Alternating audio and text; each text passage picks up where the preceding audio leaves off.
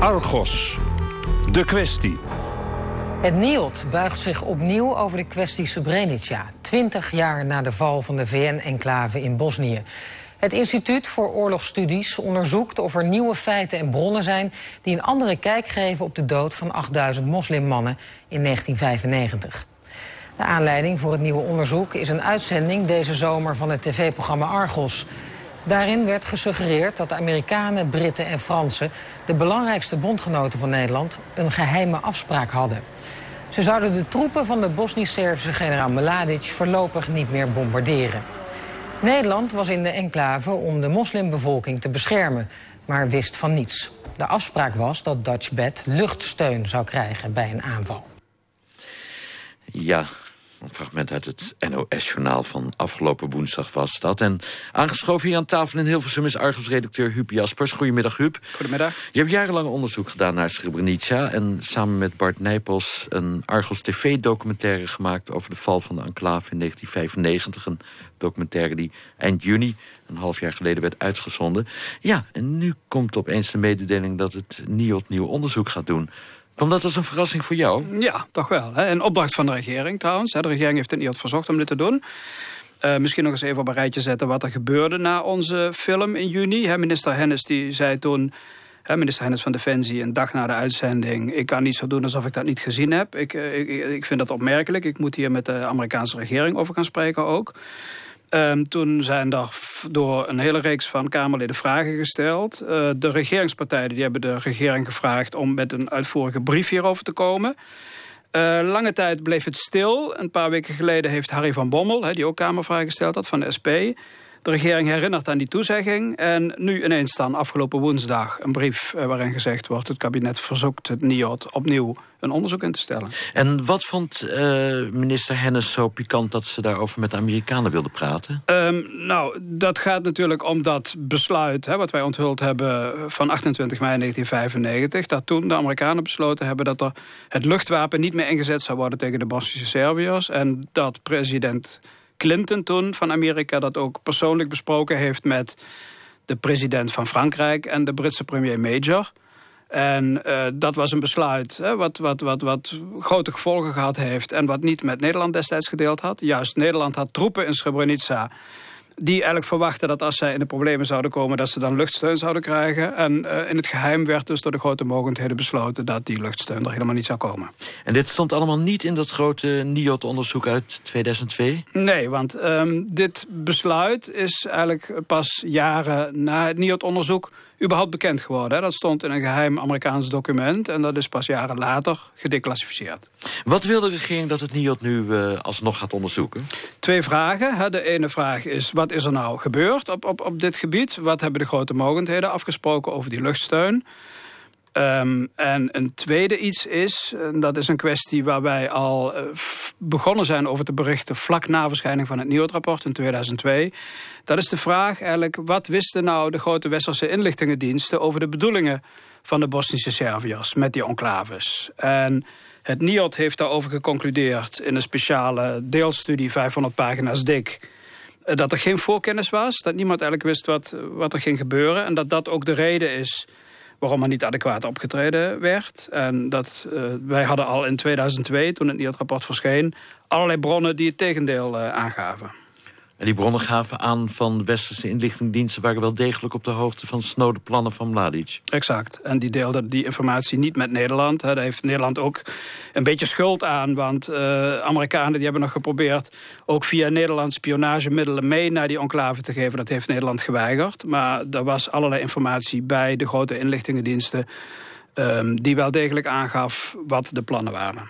Ja, je mag onderzoeksjournalisten nooit naar, je, naar hun bronnen vragen, geloof ik. En ik ga het toch doen. Want welke bronnen zijn niet door het NIO destijds serieus genomen en zijn door jou wel benaderd? Nou, ik noem één iemand. Hè. Trouwe Argos-luisteraars zullen die naam misschien nog wel kennen. Manfred Eiselen. Dat is een hoge Duitse generaal. Die was in 1995 ten tijde van Srebrenica... Assistant Secretary-General op het VN-hoofdkwartier in New York. Iemand die heel dicht bij het vuur zat. En die hebben wij al in 2002 geïnterviewd. En die heeft toen al een hele reeks van aanwijzingen genoemd... die ook op dat hoofdkwartier bekend waren. En hij heeft gezegd...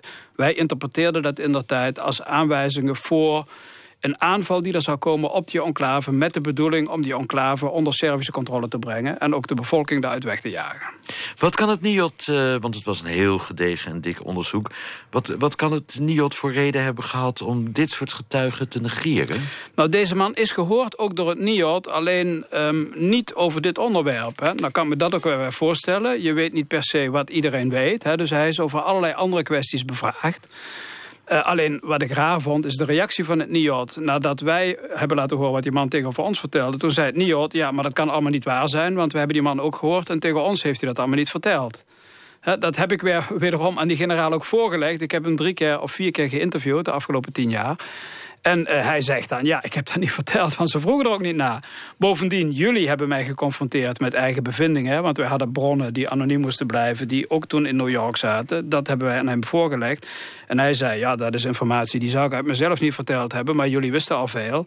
En als jij me dat dan voorlegt, dan, dan ga ik er niet over liegen. Dus dat heb ik bevestigd. Dus het NIOT heeft die generaal IJsselen gewoon niet genoeg doorgezaagd? Exact.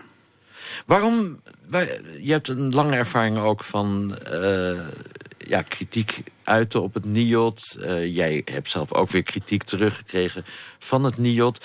Uh, hoe ben je aan die stekelige relatie met dit instituut gekomen? ja, dat is een goede vraag. Eerlijk gezegd snap ik dat zelf niet helemaal. Want wij hebben wel een, een, een behoorlijk meningsverschil... over een aantal conclusies uit het NIOT-rapport. Daar hebben we goede bronnen voor. Um, we hebben daar ook de NIOT-mensen mee geconfronteerd. Elke keer weer trouwens, ook, ook, ook jaren later. We hebben ze in 2002 in onze eerste uitzending die, die daarover ging... hebben de onderzoekers die dit gedaan hadden ook geïnterviewd. En uh, sindsdien zijn zij zo boos op ons. En wat daar nou, voor mij is dit gewoon een zakelijk meningsverschil, een inhoudelijk verschil. Ik ben daar verder op niemand boos over. Um, zij hebben wel eens geroepen dat wij ze, hè, want we hebben ze toen drie uur lang geïnterviewd. Natuurlijk moesten we dat knippen. We hadden een uitzending van 45 minuten. Dat we ze niet goed geknipt had, hadden. Nou, maar elke keer als ik vraag van wat hebben we dan weggelaten, wat erin had gemoeten. Ik heb er nooit antwoord op gekregen. Dus ik begrijp het eerlijk gezegd niet. Maar, maar goed, het zijn uh, hele lange teentjes dan. Je hebt ook, uh, weet ik, een enorme correspondentie gehad... met de, toenmalige directeur van het uh, Nederlands Instituut voor Oorlogsdocumentatie, uh, Hans Blom. Heb je daar ooit nog mee gesproken? We hebben één keer, um, heeft hij inderdaad wel toegestemd... in een live interview in 2007 hè, met mijn collega overleden Gerard Legebeke. Dat was een mooi gesprek. Ik heb het laatst een keer teruggeluisterd. Serieus, wel kritisch. En ook na dat gesprek was meneer Blom ontzettend boos... en wilde nooit met, iets met ons te maken hebben. En ik, ik begrijp eerlijk gezegd niks van. Het was een kritisch interview, dat wel, maar het was fair. Het was, het, het was helemaal niet onprettig. Maar na afloop, hij vond het kennelijk zo onprettig... dat hij nooit meer iets met ons te maken wilde hebben. Ah, zijn ze altijd boos op iedereen bij het NIOT? Of ik ligt het aan jou? Geen idee. Blom uh, heeft uh, zich ook hierover geuit eigenlijk uh, van de week op Radio 1. Was dat eergisteren, geloof ik. Ehm, hij vond het goed dat er opnieuw onderzoek wordt gedaan... maar bleef tegelijkertijd eigenlijk volhouden... ons onderzoek uit 2002 is heel erg compleet. Ja, klopt.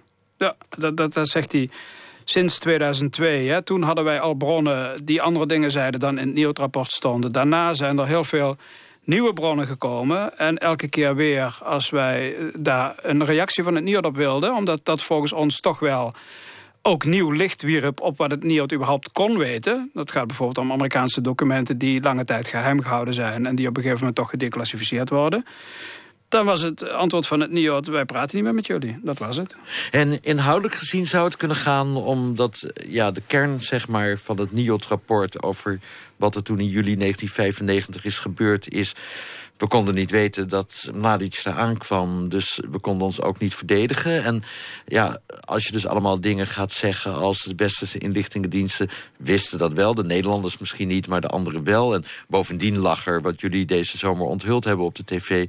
dus een soort van geheim besluit van Amerika, Frankrijk en Engeland... van we komen Nederland ook niet helpen, ook als het erop aankomt. Ja. Uh, dat haalt de angel uit hun rapport. Of zo nou, kan dat hun angst zijn? Het is natuurlijk niet een kleine kwestie. Hè? Het is toch wel een, een, belangrijke bouwsteen van het hele uh, NIOT-rapport. En um, ja, dat, dat kan ermee te maken hebben. Er is natuurlijk ook de complicatie. Dat NIOT-rapport is natuurlijk niet zomaar een historisch onderzoek. Het is wel een opdracht van de regering opgesteld.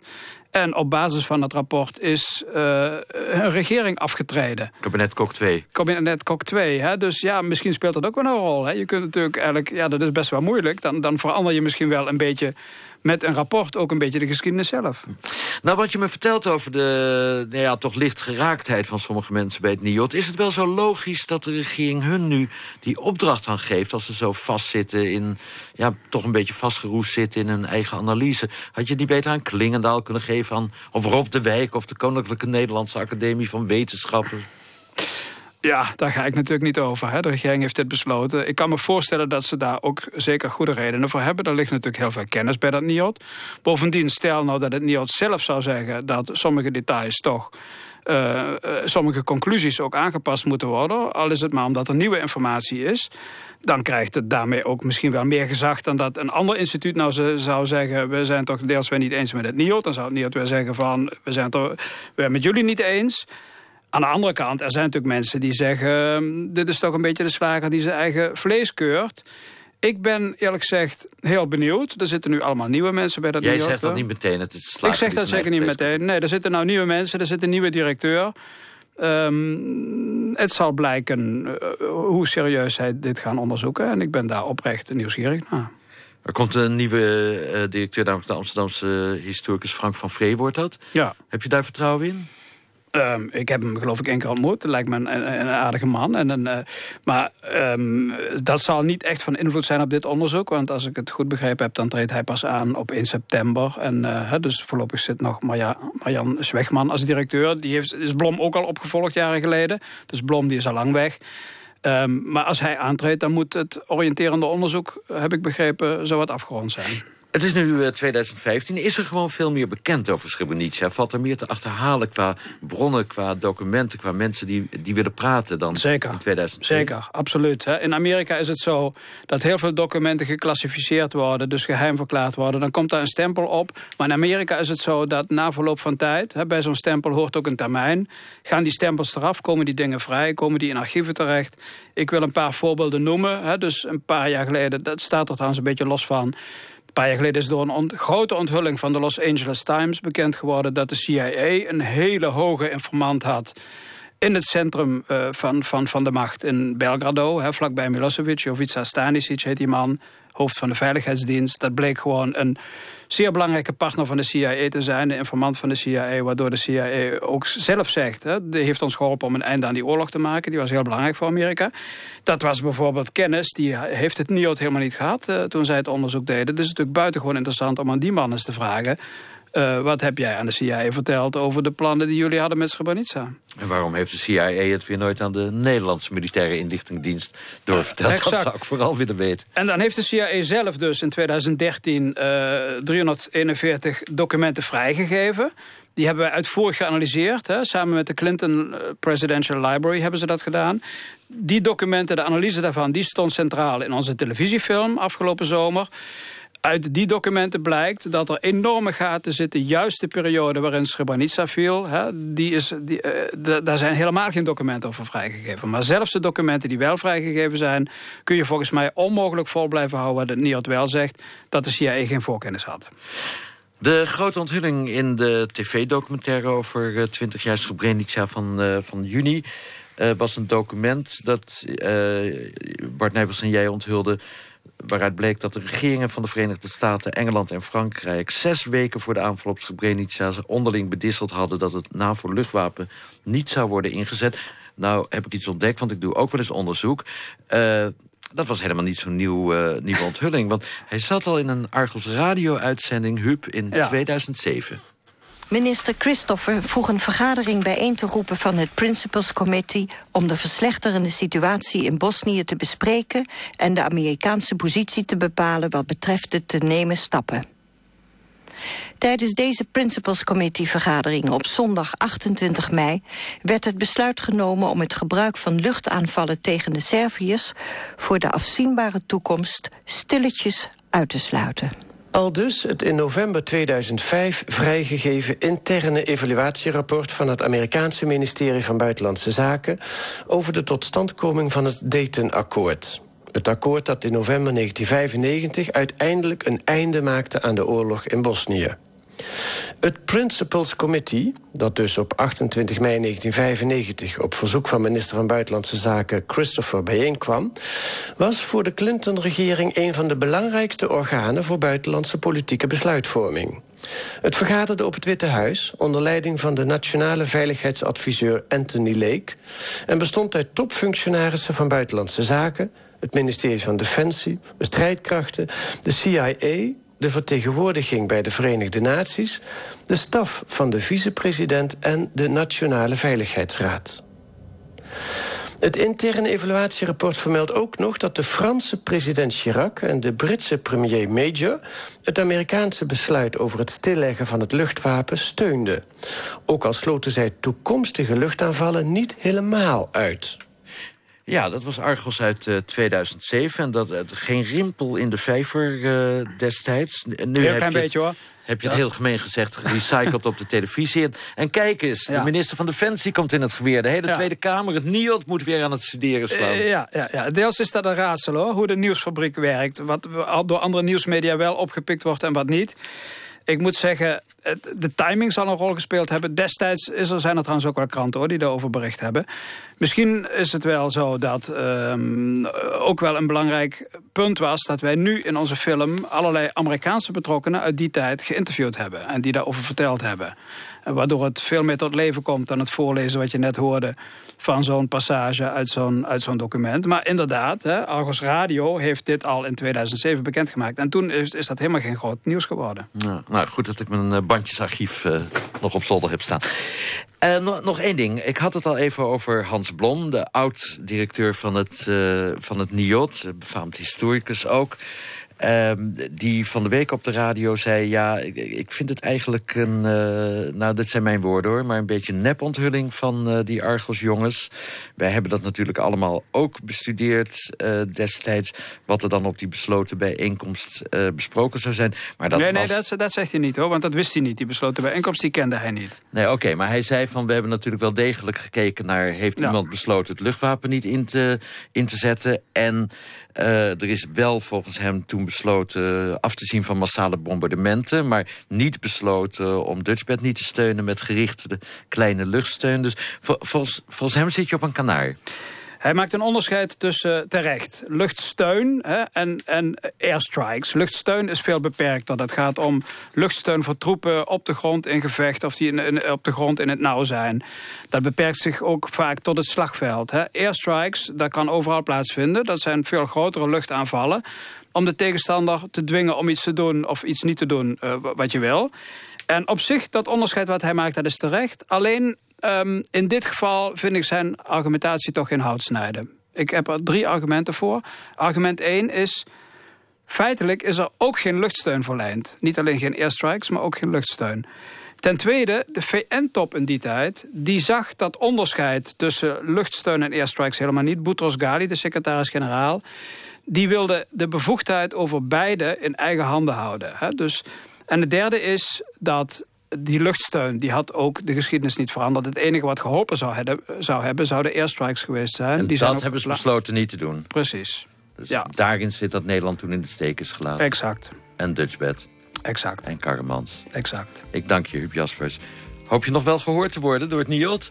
Of zijn de verhoudingen uh, zo verbitterd? Nou, ik, ik, neem toch wel aan dat ze, dat ze wel uh, zullen vragen... wat wij verder voor bronnen hebben enzovoort. Ik hoop het voor je. Dank je wel. Volgende week is Argos er met de eerste aflevering... van een nieuwe serie uh, van Luis in de Pels. Onderzoeksjournalisten over hun vak. Te gast dan twee onderzoeksjournalisten... van de hele nieuwe jonge generatie. Anne de Blok en Frederik Mansel. Dat is op tweede kerstdag. Ik wens u alvast mooie dagen. Straks WNL op zaterdag met Margreet Spijker. En uh, kijk of je die uitnodiging van het uh, NIOD krijgt, u. Ik ben benieuwd.